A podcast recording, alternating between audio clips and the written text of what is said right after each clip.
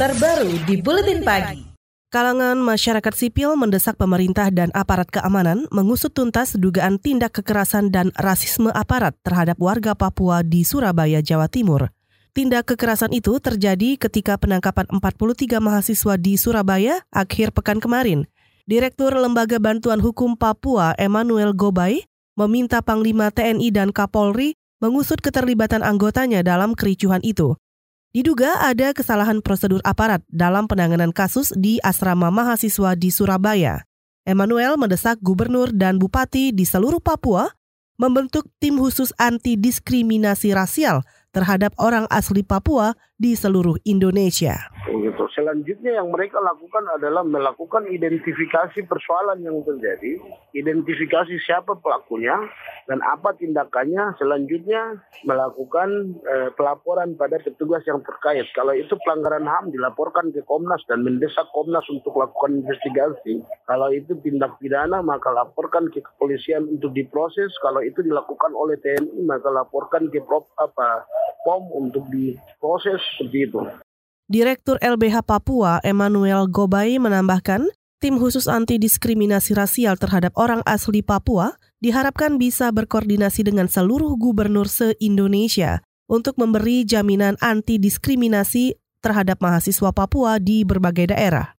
Emmanuel juga mengatakan harus ada penegakan hukum kepada pelaku yang bertindak rasis.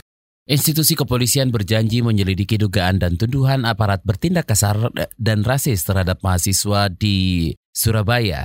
Juru bicara Mabes Polri Dedi Prasetyo menjanjikan polisi bakal menindak tegas aparat yang terbukti melakukan kekerasan dan rasisme saat bertugas. Itu pendapat dia, ya tapi pada kenyataannya ya sesuai aparat menjamin keamanan semua warga negara. Ya kita tidak melihat suku, etnis, itu tidak boleh. Ya di aparat nggak ada di aparat. Di aparat justru melindungi. Jangan sampai terjadi bentrokan fisik ya antara mahasiswa Papua, rekan-rekan kita dengan masyarakat yang ada di sekitarnya. Ya seperti itu. Ya. Namun, juru bicara Mabes Polri Dedi Prasetyo meragukan tuduhan dan bukti-bukti tuduhan tersebut. Dedi mengklaim dalam insiden di Surabaya, aparat keamanan berusaha mencegah terjadinya bentrokan. Insiden itu diawali dengan masa kelompok tertentu menggeruduk asrama mahasiswa Papua dan masa terkena hasutan adanya perusakan bendera merah putih di asrama itu. Sementara itu Menko Polhukam Wiranto menegaskan pemerintah akan segera menyelidiki dan mengungkap orang-orang yang terlibat pelecehan rasial maupun penyerangan di asrama mahasiswa Papua di Surabaya. Kecaman terhadap tindak kekerasan dan rasisme terhadap mahasiswa Papua juga dilontarkan anggota Komisi Bidang Pertahanan DPR, Effendi Simbolon. Effendi mengatakan, siapa pun yang melakukan kekerasan dan pelecehan ras terhadap mahasiswa Papua di Surabaya harus ditindak tegas, termasuk aparat keamanan. Dan bagi siapa pun oknum yang melakukan hal yang anarkis di Malang dan di Surabaya harus ditindak tegas. Mau itu siapa pun, mau itu oknum dari polisian atau dari ormas, jangan kemudian apa pun itu bentuk hoax yang akhirnya di, disebarluaskan oleh pihak gitu ya. Tetapi faktanya juga kita bisa melihat bagaimana mereka juga dalam tanda petik ya kurang baik diperlakukannya. Yang mbok mereka juga harus dihargai lah gitu. Anggota Komisi Pertahanan DPR Effendi Simbolon juga mengingatkan pemerintah untuk menangani keterkaitan antara kejadian di asrama Papua di Surabaya dengan kerusuhan yang terjadi sehari kemudian di Manokwari dan Jayapura, Papua. Sehari setelah insiden pengepungan asrama dan penangkapan mahasiswa Papua itu, muncul protes di Manokwari dan Papua. Aksi protes diwarnai rusuh, sejumlah bangunan dirusak dan dibakar, serta jalanan ditutup masa. Suasana keamanan di Papua Barat terutama di Kabupaten Manokwari hingga tengah malam tadi berangsur-angsur mulai terkendali. Meskipun lalu lintas di Jalan Poros dan Jalan Yosudarso Manokwari masih belum bisa dilakukan kendaraan, dilalui kendaraan akibat masih banyak terdapat penghalang jalan.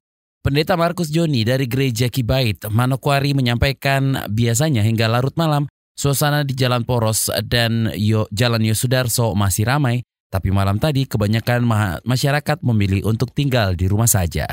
Handphone untuk sementara ya belum bisa, eh, cuma pakai wifi bisa, pakai wifi saja internet. Ya masih It jalan poros, ya Sudarso, ya kan tidak seperti biasanya. Kalau jam begini masih ramai, tapi ini sudah dari malam tadi orang sudah malas keluar karena takut tuh.